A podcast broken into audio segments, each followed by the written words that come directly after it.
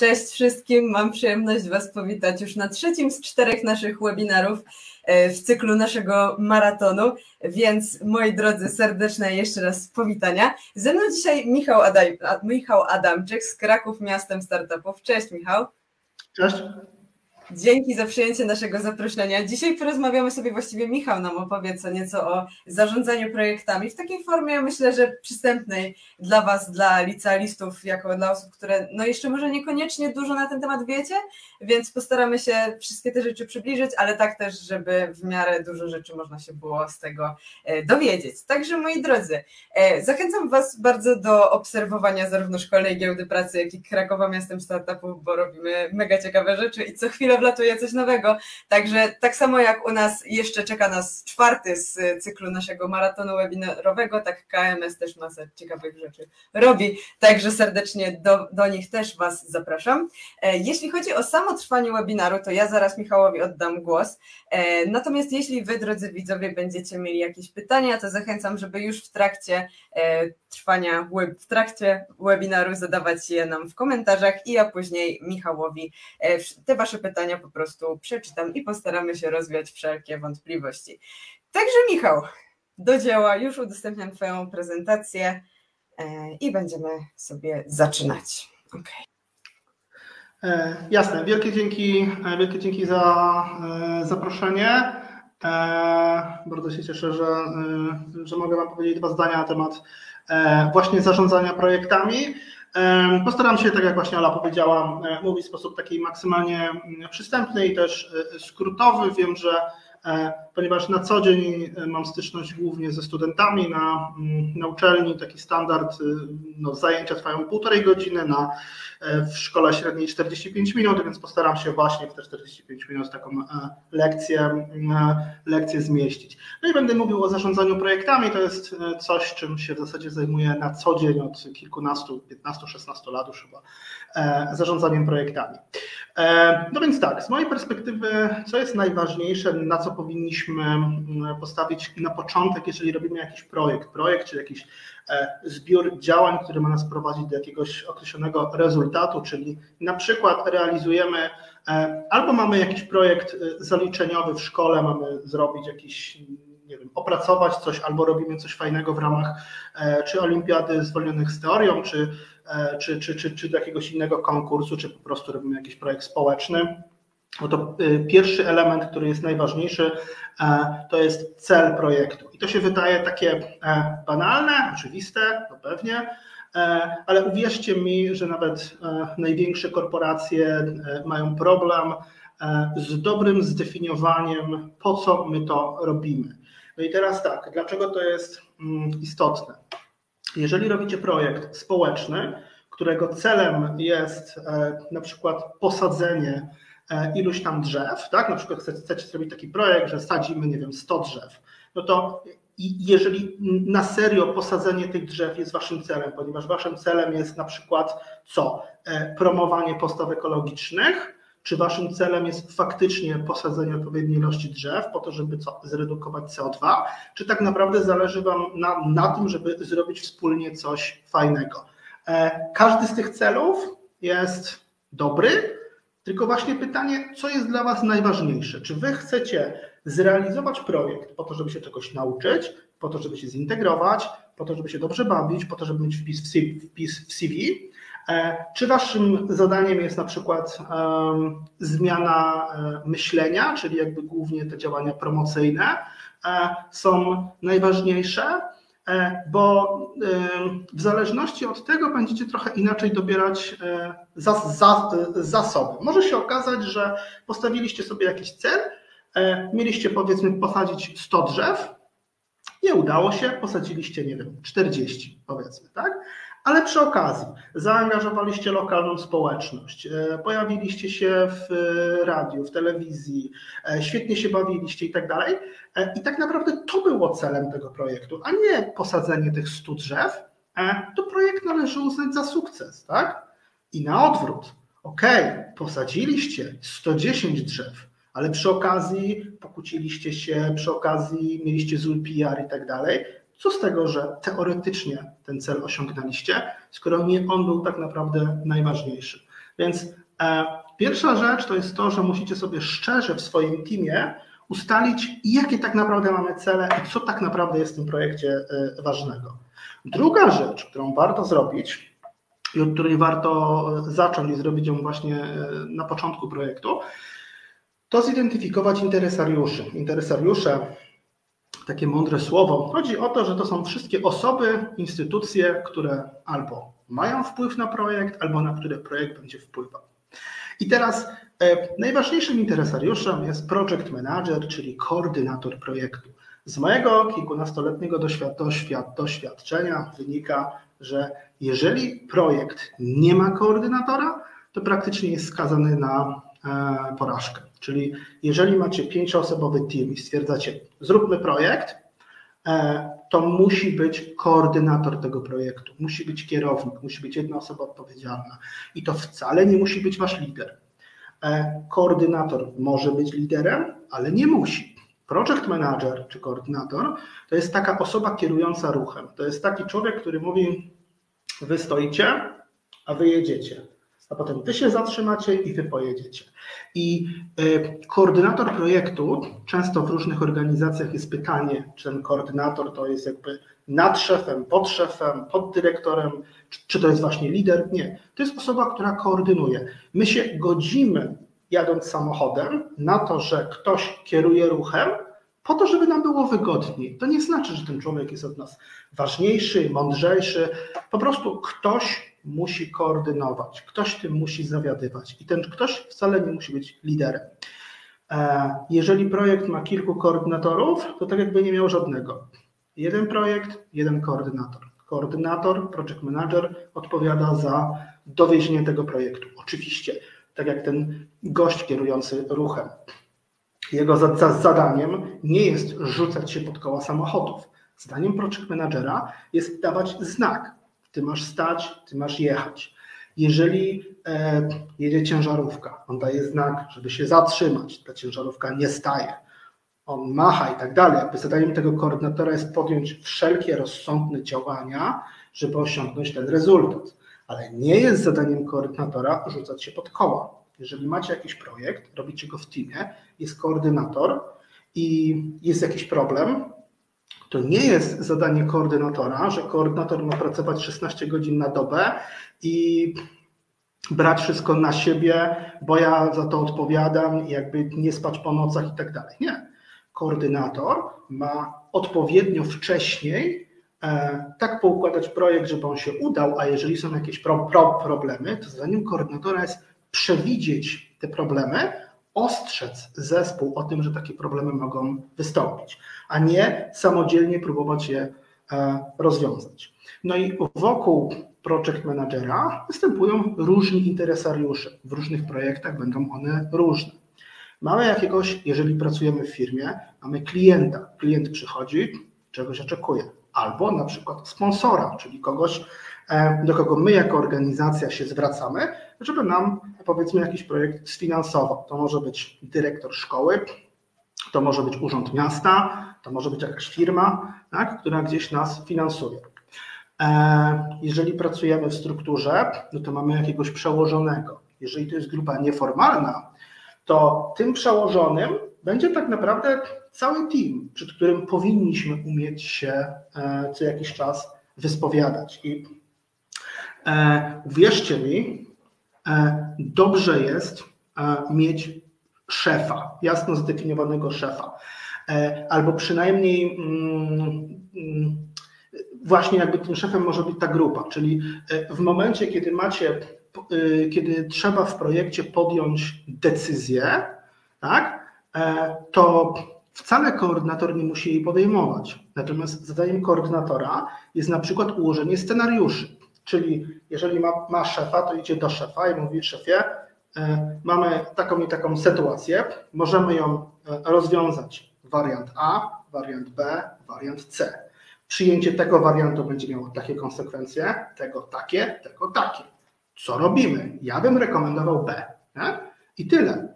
Jeżeli jesteście w grupie nie, nieformalnej, to zadaniem koordynatora jest na przykład przedstawić tej grupie te alternatywy. I ktoś decyduje a koordynator wykonuje. Koordynator, tak jak mówię, może być liderem i samemu zdecydować, ale wcale nie musi. Odbiorcy, tak? Dla kogo my ten projekt robimy? I tutaj warto sobie to przeanalizować. E, dla kogo, po co, jakimi kanałami oni się komunikują, czy do, do, dotrzemy do tych naszych odbiorców Facebookiem, czy Twitterem, czy Instagramem, tak? Więc warto sobie właśnie zastanowić się, jakie oni mają e, potrzeby. E, zespół projektowy, nasz team, którym koordynujemy i słuchajcie, znowu to nie jest tak, jak w takiej klasycznej strukturze liniowej w firmie, nigdzie tak to już nie działa, albo w bardzo małych organizacjach, że koordynator ma swoich podwładnych, swoich ludzi, którymi może e, w łatwy sposób zarządzać. E, w większości organizacji jest tak, że jeden pracownik jest zaangażowany w kilka projektów. Czyli to, że jako koordynator ja w zespole mam 3-4 osoby, to nie znaczy, że one są zaangażowane tylko w mój, w mój, w mój projekt. One będą realizować zadania dla też innego projektu. Jak jest na przykład grafik, i ten grafik rysuje jakieś rzeczy promocyjne na potrzeby mojego projektu, e, obsługuje też promocyjnie inny projekt. I ja muszę wiedzieć, kiedy, ten, kiedy ta osoba jest wolna, kiedy ma czas, kiedy nie. Tym bardziej, jeżeli jesteście w grupie na przykład takiej nieformalnej, czy w jakiejś organizacji non-profit, gdzie każda osoba ma e, jakieś też inne obowiązki. Więc powinniście sobie jasno i odpowiedzialnie, to jest zadanie PMA, jasno odpowiedzialnie ustalić, kto ile czasu pracuje, kto kiedy będzie miał czas, żeby nie było sytuacji takiej, że my w zaplanujemy w projekcie, że ktoś ma coś zrobić w przyszłym tygodniu, a w przyszłym tygodniu ta osoba wyjeżdża. Tak? I jej nie ma. My to musimy wiedzieć. Zdaniem project managera jest to wiedzieć. Są pewnego rodzaju podwykonawcy, czyli wszystkie firmy, instytucje, którym będziemy coś zlecać. Robimy konferencje, wynajmujemy firmę cateringową. W miarę prosta, prosta, prosta sprawa. E, chcemy wydrukować ulotki, potrzebujemy się dogadać z drukarnią. Jeżeli macie do wydrukowania 300 ulotek, to nie jest problem.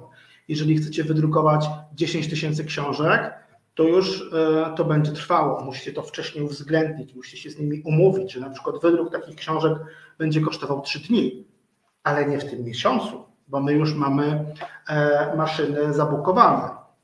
W związku z tym, jeżeli będziecie mieli w projekcie konieczność skorzystania z firm zewnętrznych, z jakichś podwykonawców, musicie z nimi porozmawiać i ustalić, kiedy oni e, mogą jakby co, co robić. Nie? I to jest tak naprawdę taki basic, czyli cel, koordynator, interesariusze. To jest jakby taka, taka płaszczyzna, na której, na której możemy e, operować. E, druga e, płaszczyzna, na której operujemy, to jest tak zwany zakres projektu. To jest tak zwany trójkąt projektowy. Co oznacza trójkąt projektowy? Tak najprościej można sobie powiedzieć, że projekt można zrobić szybko, tanio albo dobrze, z naciskiem na albo. Każdy chciałby, e, każdy klient e, chciałby, żeby usługa została wykonana tanio, szybko i dobrze. Tak się nie da. Może być albo tanio, albo szybko, albo dobrze. I dlatego to są właśnie te trzy wyznaczniki. Czas, czyli ile mamy czasu, ile mamy pieniędzy i jakie rezultaty, co my musimy zrealizować, tak? I e, jeżeli e, mamy, jeżeli ma być e, tanio i dobrze, to nie będzie szybko. Jeżeli ma być szybko i dobrze, to nie będzie tanio, prawda? Czyli jak chcemy zrobić coś szybko i dobrze, no to musimy zapewnić odpowiedni budżet, tak? I teraz jakby project manager ma to powiedzieć, to jest jego zadanie. Project manager powie: OK, drogi kliencie, chcesz, żeby było szybko i dobrze, no to będzie to cię kosztować. A jeżeli ty masz budżet e, mniejszy, no to niestety musimy z czegoś zrezygnować. I project manager musi to poukładać, policzyć, przedstawić to klientowi, przedstawić to przełożonemu i, zada, i zadać pytanie: szefie, czy robimy tak, czy robimy tak, ponieważ inaczej się nie da. To jest ten trójkąt projektowy. Ja teraz postaram się jakby omówić te poszczególne e, elementy, czyli czas, rezultaty i budżet. Zaczynając od e, rezultatów. Rezultat to jest to, co ma być efektem tego projektu. No i tak, mamy jakiś ogólny cel. Cel ogólny na przykład może być wzrost efektywności zarządzania projektami w, Kra w, Kra w Krakowie, tak? albo zredukowanie E, CO2, tak? albo zwiększenie świadomości ekologicznej. Cel może być ambitny, górnolotny, ogólny. E, fajnie, żeby był taki ciekawy, po to, żeby inspirował team, inspirował sponsora i tak dalej, tak dalej. No ale mamy trójkąt projektowy. W związku, w związku z tym, dobra, mamy taki cel, że trzeba zwiększyć efektywność zarządzania projektami, tak? albo tak jak mówię, e, zredukować CO2. Ale mamy na to Dwa tygodnie i tysiąc złotych. Okej, okay. no to pytanie, co my możemy w tym budżecie zrobić? No i teraz project manager powie, OK, wzrost efektywności zarządzania projektami przy tym budżecie, w tym czasie, to ja mogę zaproponować szkolenie dla 20 uczestników, e, takie dwugodzinne, tak? I to jest rezultat. Czyli mamy rezultaty. 20 uczestników przeszkolonych podczas dwugodzinnego szkolenia e, z ekspertem, który powiedzmy ma, nie wiem, czteroletnie doświadczenie. Tak? E, to są konkretne, mierzalne rezultaty. Rezultaty powinny się e, wpisywać w, taką, w taki schemat, który nazywa się SMART. Specyficzny, mierzalny, ambitny, realny, terminowy. Tak zwany SMART. Tak? Czyli ten cel musi być jasny, konkretny, on musi być możliwy do, zmie do zmierzenia, czyli nie może być dużo 10, 20, 100, 50. Po to, żebyśmy na koniec projektu mogli powiedzieć, że rezultaty zostały spełnione w 30%, 40%. Tak? E, ambitny, czyli ważny z punktu widzenia projektu. Nie ma sensu jakby. E, e, mm, opisywać rezultatów, które nie są istotne. Realny, czyli możliwy do osiągnięcia i przede wszystkim zdefiniowany w czasie. Tak? To znaczy e, przeszkole 10 uczestników do końca tygodnia, nie? albo właśnie w ciągu dwugodzinnego szkolenia. Nie?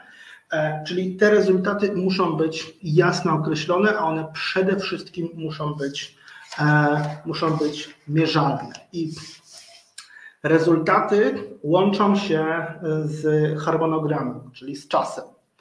E, rezultaty tak naprawdę są podstawą do planowania, do robienia w ogóle kontraktu z project managerem. Czyli project manager przychodzi i mówi: OK, mam osiągnąć pewne cele przy tych ograniczeniach, no to ja jestem w stanie zrobić to i to i to negocjujemy, ustalamy, zapisujemy to w jakiejś umowie albo ustalacie to między sobą, jakie są parametry liczbowe projektu, czyli właśnie te rezultaty.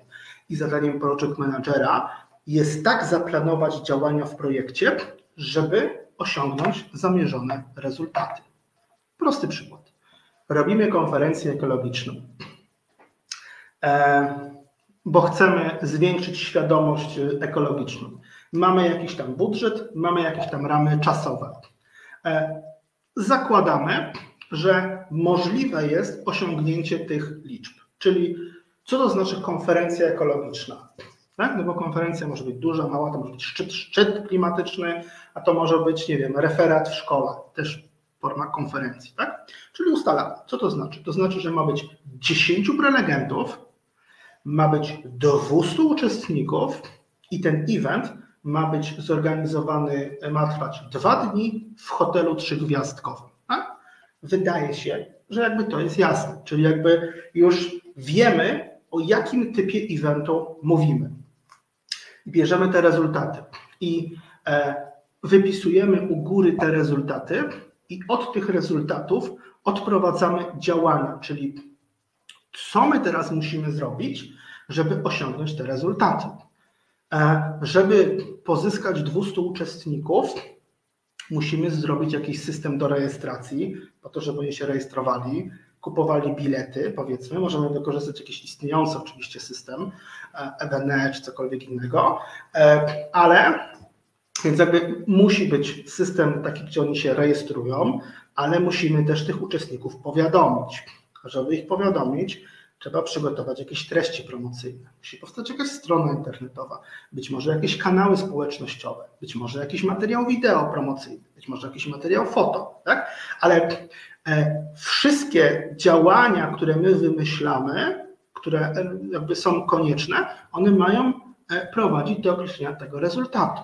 No i teraz wyobraźcie sobie, że jesteście project managerem, rozpisaliście sobie taki projekt i ktoś z teamu rzuca taki pomysł, słuchaj, a może my jeszcze zatrudnimy kamerzystę, który przyjdzie do tego, na ten event, nakręci filmik, potem go zmontuje i wrzucimy w social media i będzie fajnie. Nie?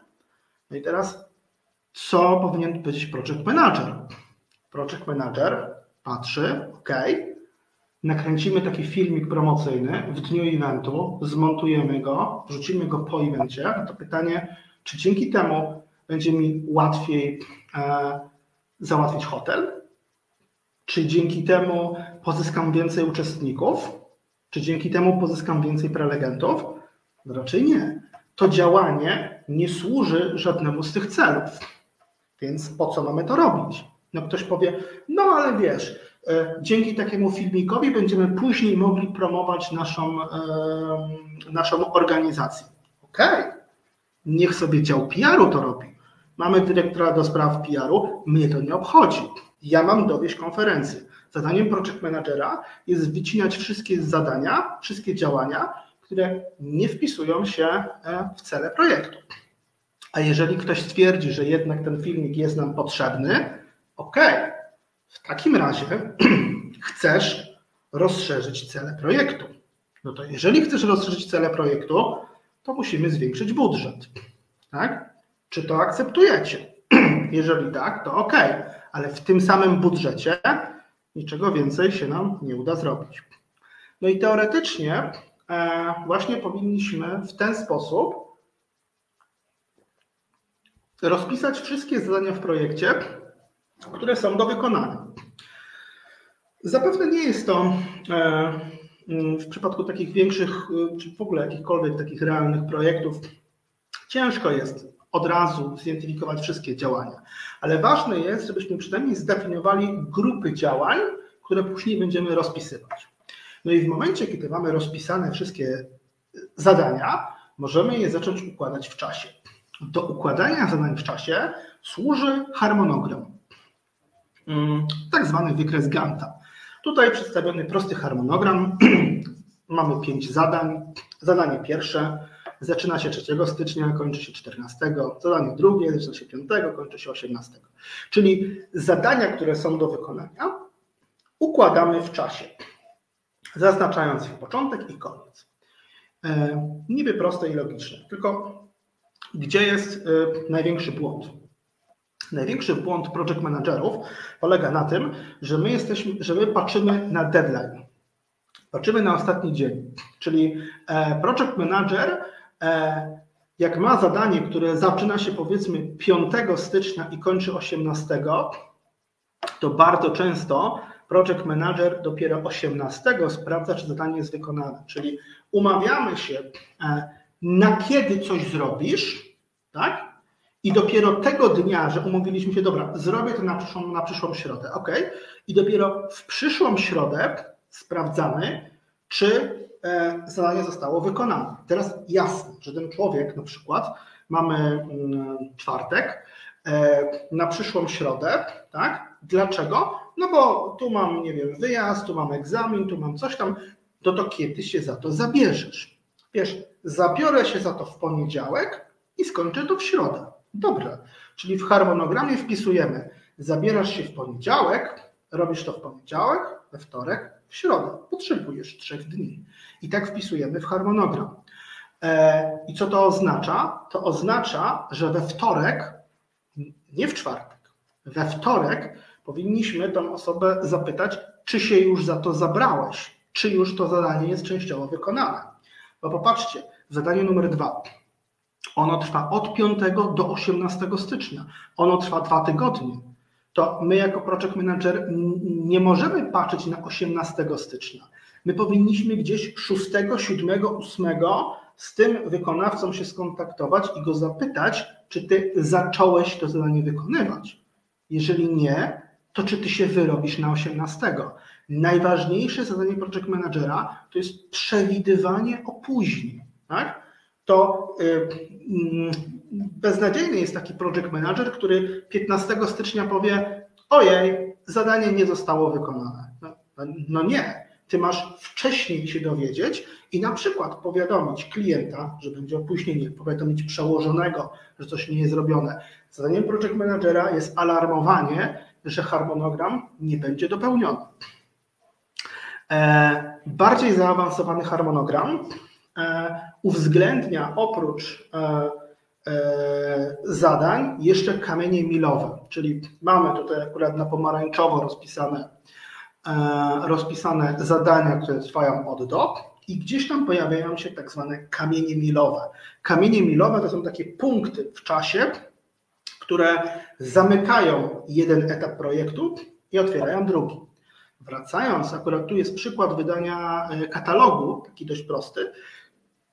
Mm, natomiast jeżeli byśmy mieli się trzymać powiedzmy tego, e, tego przykładu eventowego z, tymi, z tą konferencją ekologiczną, no to powiedzmy, że pierwszy kamień milowy e, oznacza, że mamy zarezerwowany hotel i ustaloną tematykę konferencji. Tak? i jakby ustalamy jakiś punkt w czasie, do którego my to musimy zrealizować. I najlepiej te punkty kontrolne połączyć ze spotkaniami naszego zespołu, czy też spotkaniami z klientem, z, przeło z przełożonym. Spotykamy się i sprawdzamy, czy zadania zostały wykonane. E, hotel zabukowany, to znaczy, że mamy już pewny termin tematyka, czyli możemy przejść do kolejnego etapu. Jeżeli te rzeczy mamy spełnione, przechodzimy do kolejnego etapu. Kolejny etap to jest pozyskiwanie prelegentów, tak? Czyli e, pozyskujemy prelegentów. Jakby kolejny kamień milowy, który, który jest, e, to już będzie na, na przykład to, że mamy pozyskanych 10 prelegentów, czyli podpisane są z nimi umowy, E, mamy przygotowaną strategię promocyjną, tak? czyli dwie rzeczy. Jakby mamy mm, pozyskanych prelegentów i mamy strategię promocyjną. Mamy? Mamy. Więc przechodzimy do kolejnego etapu, czyli promocja, pozyskiwanie, um, sprzedawanie biletów na nasz, na nasz event i powiedzmy gdzieś tam jakiś kolejny kamień milowy, jakiś deadline, e, że pozyskaliśmy już tych ludzi, możemy event robić. No i teraz po co się robi kamienie milowe? Gdyby projekt szedł zgodnie z planem, no to kamienie milowe nie byłyby potrzebne. Najczęściej projekty nie idą zgodnie z planem. Najczęściej są jakieś przesunięcia i obsuwy. No i teraz powiedzmy, że mieliśmy jakiś deadline ustalony, do kiedy pozyskujemy 10 prelegentów. Nie udało się pozyskać 10 prelegentów, udało się pozyskać tylko trzech. Co robimy? Najgorsze, co możemy zrobić, to powiedzieć, a, Jakoś to będzie, idziemy dalej. Nie. W projekcie nigdy nie ma tak, że jakoś to będzie. Po to zarządzacie projektem, e, żeby działać w sposób odpowiedzialny. Zakładaliście, że będzie 10 prelegentów. Pozyskaliście tylko trzech. W związku z tym możecie, co możemy zrobić? Możemy stwierdzić, że jakby mamy, nie wiem, po, po, powiedzmy trzy opcje, tak? I teraz jako project manager do projektu przychodzi na, na zebranie projektowe i mówi, słuchajcie, Mieliśmy mieć 10, mamy tylko trzech. Widzę trzy opcje. Odwołujemy cały event, bo on nie ma sensu. Przesuwamy event o miesiąc. E, sprawdziłem w hotelu, mają termin, więc możemy przesunąć o miesiąc i tych trzech prelegentów zgadza się na przesunięcie terminu. Bo jak proponujecie scenariusz, to on musi być realny, tak? Czyli odwołujemy, Tracimy wtedy, e, nie wiem, zaliczkę, którą zapłaciliśmy w hotelu. Wariant drugi, przesuwamy o miesiąc i próbujemy znaleźć jeszcze paru prelegentów. Albo wariant trzeci, konferencja miała być dwudniowa, zrobimy jednodniową, skrócimy event, zrobimy, powiedzmy, e, znajdziemy jeszcze dwóch prelegentów, czyli jakby zmniejszamy re, re, re, rezultat. Mamy, mamy, mamy trzech, spróbujemy znaleźć jeszcze jednego lub dwóch, ale event robimy jednodniowy. Nie? Jakby to są pewne scenariusze, więc kamienie milowe są po to, że jeżeli coś w projekcie nie pójdzie tak, jak myśleliśmy, to project manager ma zaproponować pewne rozwiązanie. Tak? To jest pewien punkt kontrolny realizacji założonych rezultatów, moment podjęcia decyzji. Jest OK, kontynuujemy, jest lipa, porzucamy projekt, modyfikujemy. Modyfikujemy e, rezultaty, modyfikujemy harmonogram, coś w projekcie zmieniamy. To jest bardzo ważne, żeby mieć tą odwagę. Mieć tą odwagę. Zarówno porzucić projekt, to nie jest porażka. Jako project manager, jeżeli widzicie, że projekt się nie da e, zrealizować, nie ma sensu od niego brnąć. Trzeba go porzucić, to jest, to jest odpowiedzialne. Albo zmodyfikować. Ale najgorszą rzeczą, którą możecie zrobić, to zobaczyć, że e, projekt się sypie, jakby rezultaty nie są spełnione i twardo iść dalej. To nie jest odwaga, to nie jest determinacja, to jest po prostu głupota, bo to niczemu nie służy. Ok, czyli z trójkąta projektowego omówiliśmy e, sobie rezultaty, czas e, i na koniec budżet. W kwestie budżetowe oczywiście nie będę tutaj e, mocno wchodził, bo przeważnie finanse mało kogo interesują, przynajmniej dla mnie są raczej mało ciekawe, ale mm, powiem o jednej rzeczy, która szczególnie w przypadku projektów społecznych, pozarządowych jest istotna. W budżecie koszty możemy podzielić na trzy kategorie: osobowe, rzeczowe, finansowe. Zaczynając od tych ostatnich. Finansowe są chyba naj, najbardziej oczywiste, czyli mamy jakiś projekt, wszystko za co płacimy, to są te koszty finansowe. Ale mamy jeszcze osobowe i rzeczowe. Przecież e, jeżeli jesteśmy wolontariuszami, nie dostajemy wynagrodzenia, ale przecież pracujemy nasza praca, nasz wkład pracy to jest koszt osobowy, który wnosimy w projekt. Tak samo koszty rzeczowe. Jeżeli na, na przykład korzystacie z y, pomieszczeń udostępnionych przez jakąś instytucję, na przykład robicie event, robicie konferencję i Urząd Miasta użyczył Wam za darmo sali albo e, spotykacie się na przykład w szkole po lekcjach, bo dyrektor użyczył wam e, sali na, spot, na, spot, na spotkania. To jest koszt rzeczowy. Powinniście te koszty, szczególnie te osobowe, policzyć. To znaczy, powinniście policzyć, ile kto czasu pracy poświęca i przemnożyć to razy 20-25 zł za godzinę, 30. E, znajdźcie jakąś stawkę, którą, która jest adekwatna, którą zarobilibyście w innej firmie, gdybyście w tym samym czasie pracowali, a nie robili projektu. Sumujcie i pokażcie wielkość budżetu. Dlaczego to jest takie ważne? Po pierwsze, nauczycie się, jak efektywnie gospodarować zasobami. E, na przykład e, nie ma sensu być może robić dwu, trzygodzinnych zebrań całego zespołu, jak macie, nie wiem, 5-10 osobowy team i spotykacie się na 3 godziny, no to, to jest 30 roboczo godzin razy 20 zł, no to właśnie wydaliście 600 zł mm, waszego, zainwestowaliście 600 zł w zebranie, które być może nie było takie konieczne. Więc uczycie się efektywnie e, operować e, zasobami. Druga rzecz. E, możecie się lepiej komunikować z potencjalnymi sponsorami. Idziecie do sponsora i mówicie, potrzebuję 1000 zł na projekt. No, dobra. Albo możecie powiedzieć, robię projekt o budżecie 10 tysięcy złotych. Potrzebuję 10% wkładu finansowego już to wygląda poważnie. Trzecia rzecz, e, budujecie swoje CV i swoje doświadczenie. W projekcie, w swoim CV możecie wpisać realizowałem projekt społeczny.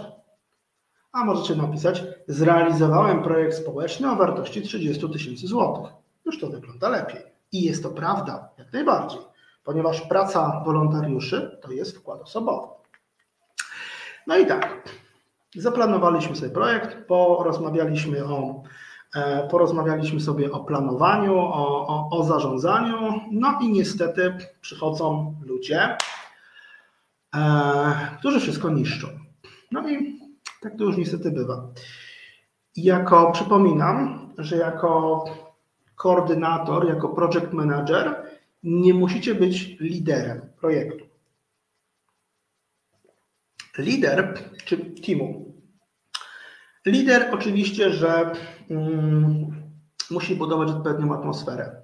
Oczywiście, że lider musi wykazywać się dużym poziomem empatii itd. Tak itd. Tak Koordynator ma podchodzić z daleko idącą nieufnością do wszystkich. Do teamu, do podwykonawców, do klientów itd. Tak itd.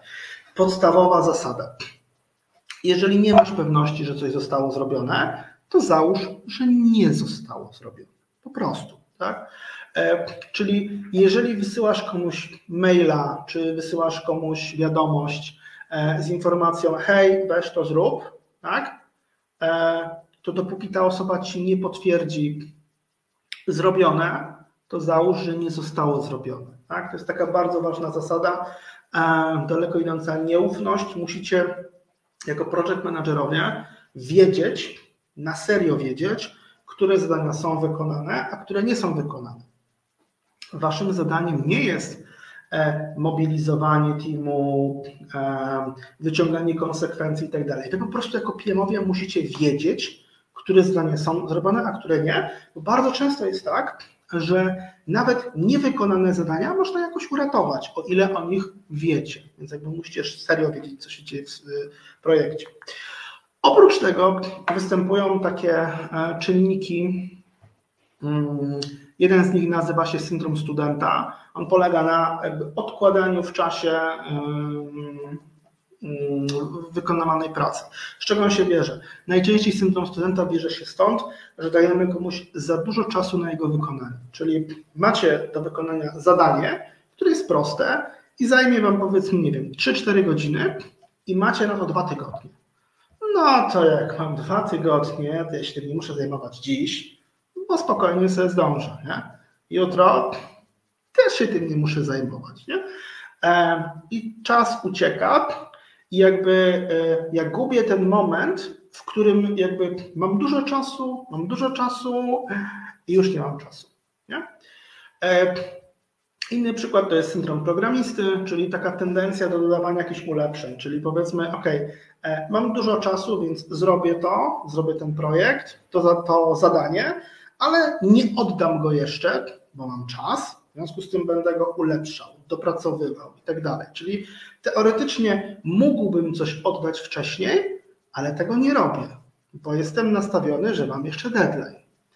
E, kolejny syndrom to jest tak naprawdę Parkinsona, czyli jeżeli mam dwa tygodnie na zrobienie czegoś, a mimo że mógłbym zrobić to w trzy godziny, to ja to rozciągnę na całe dwa tygodnie, tak? bo tak z lenistwa, wygody i tak dalej.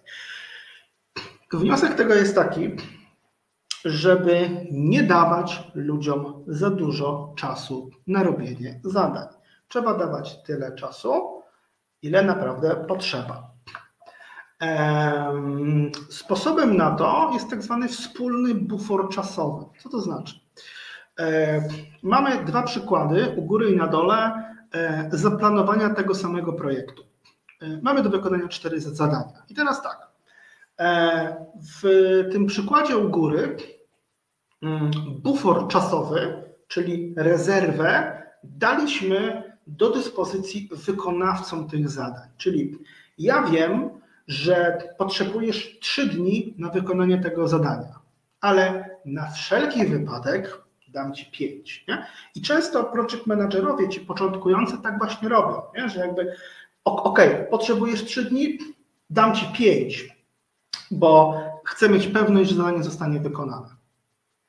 Mm, nie jest to dobre rozwiązanie i jest duże ryzyko, że właśnie nie zostanie wykonane.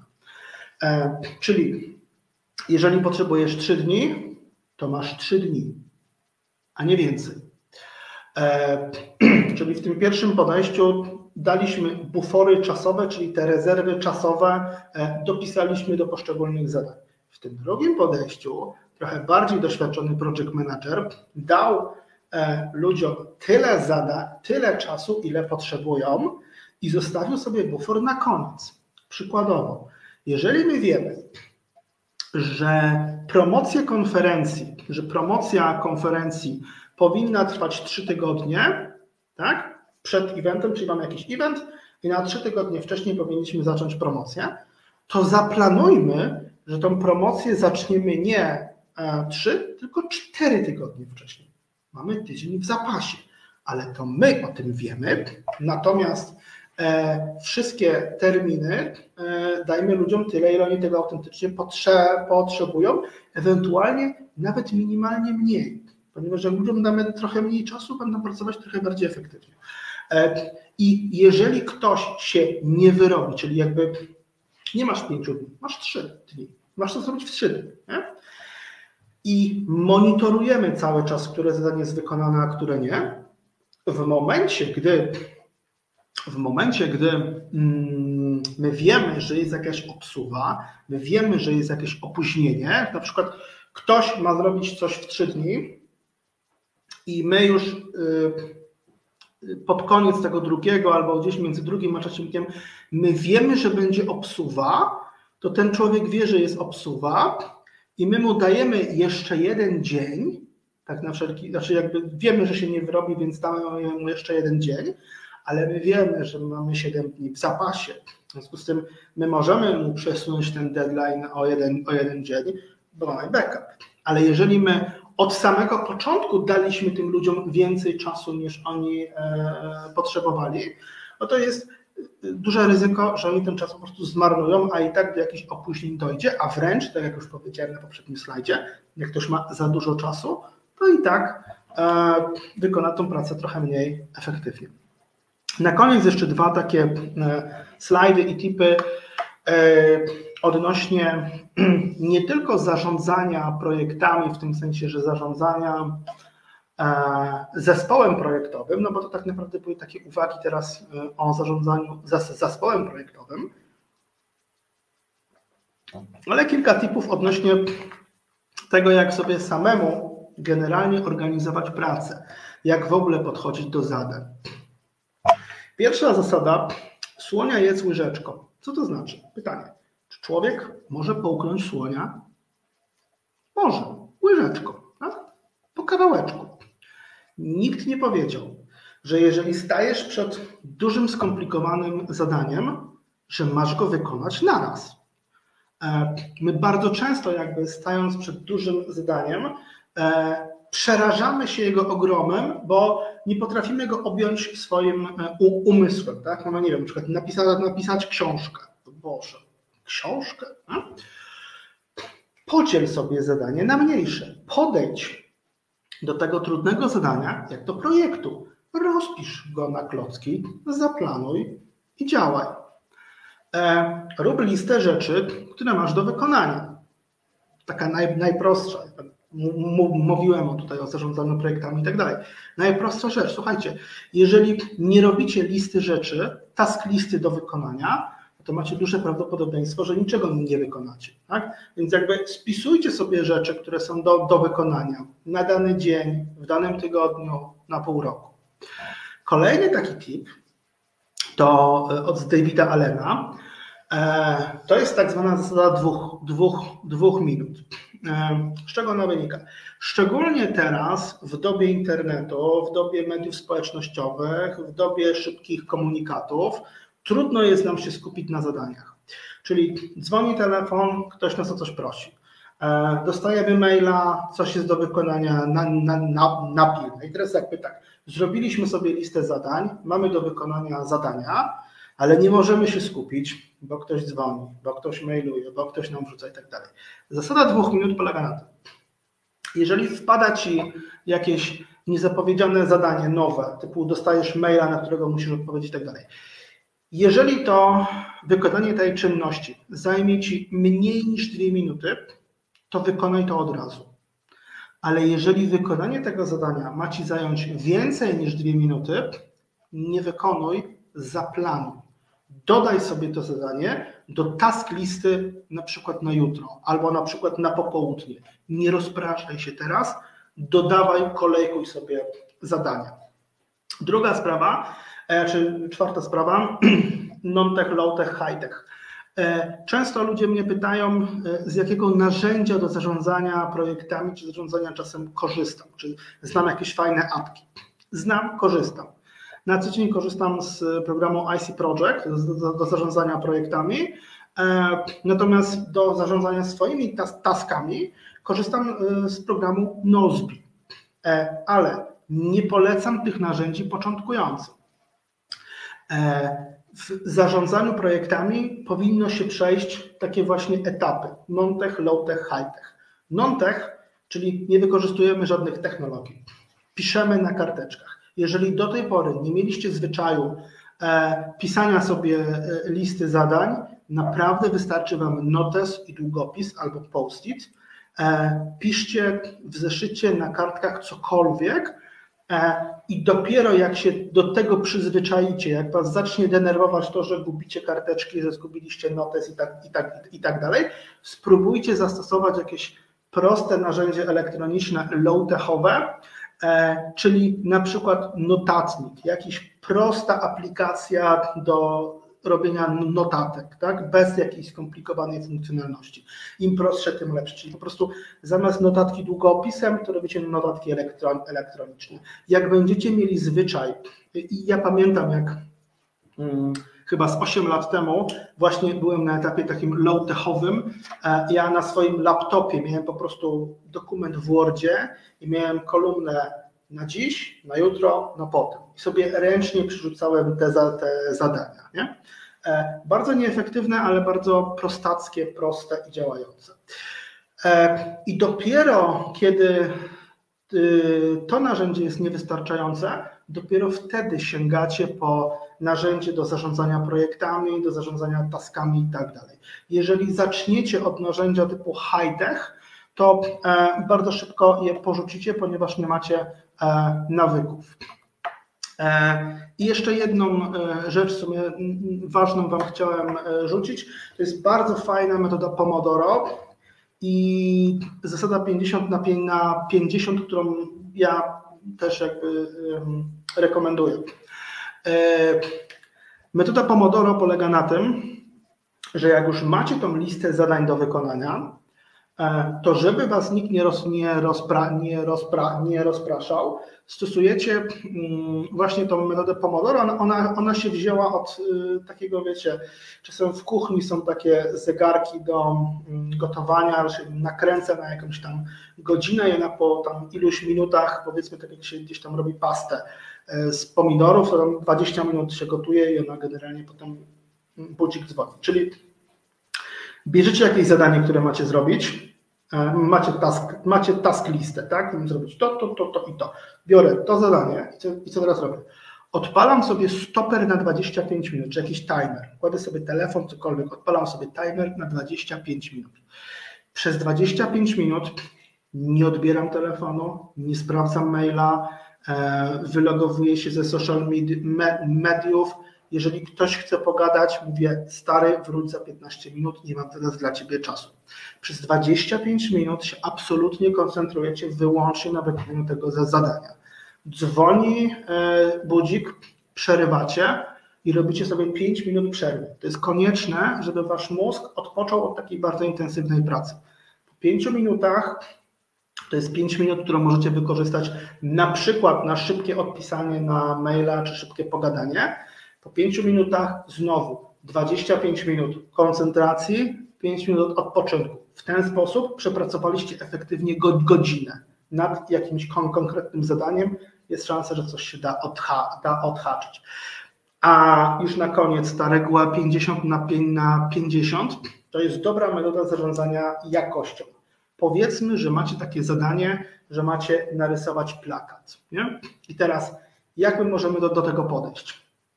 Klasycznie ludzie robią zadania po kolei, od lewej do prawej, powoli i tak dalej. Nie? Czyli e, zaczynamy powoli ten plakat gdzieś tam rysować i tak dalej, i tak dalej. I teraz Co się stanie, jeżeli ktoś ci przerwie? Jeżeli z jakiegoś powodu, e, nie wiem, zajmie ci to więcej czasu niż się spodziewałeś. Projekt jest, nie wiem, w 90%, ale niewykonany. E, reguła 50 na 50. Jeżeli chcesz wykonać coś w godzinę, spróbuj zrobić to w pół godziny. Beznadziejną jakością, czyli jakby zrób coś byle jak, ale w całości. A drugie pół godziny poświęć na poprawianie tego. W ten sposób, jeżeli braknie Ci czasu, to masz gotowy, wykonany projekt i możesz faktycznie świadomie e, kontrolować e, jakość. Tyle z mojej strony. Dzięki za uwagę. Jeżeli są jakieś pytania, to oczywiście bardzo chętnie e, w tym momencie na nie odpowiem.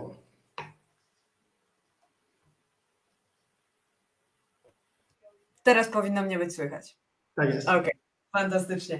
Dobra, Michał, dzięki wielkie za prelekcję. Mi się naprawdę bardzo podobało i myślę, że wszystkim widzom, którzy albo teraz, albo w najbliższym czasie będą nas oglądać, myślę, że również się to spodoba. Jak na ten moment nie mamy żadnych komentarzy, co oznacza, że wszystko było po prostu na tyle jasne i klarowne, że żadne pytania się nie pojawiły, tak mi się wydaje. Więc tak jak zwykle się umówmy widzowie, że jeśli ktoś z Was ogląda nas później, bo wiem, że jest Was zdecydowana większość i jeśli u Was pojawiłyby się jakieś pytania, to oczywiście wyślijcie na mnie na fanpage do Szkolnej Giełdy Pracy albo napiszcie na Instagramie, albo tak naprawdę gdziekolwiek, do któregokolwiek z nas z zespołu. E, I my te pytania po prostu Michałowi przekażemy i w miarę postaramy się tą wymianę informacji między Wami przeprowadzić. Także Michał, jeszcze raz serdecznie dziękuję za przyjęcie naszego zaproszenia i za poprowadzenie prelekcji. No i do zobaczenia na następnym webinarze. Trzymajcie się, cześć. Cześć, dzięki za zaproszenie.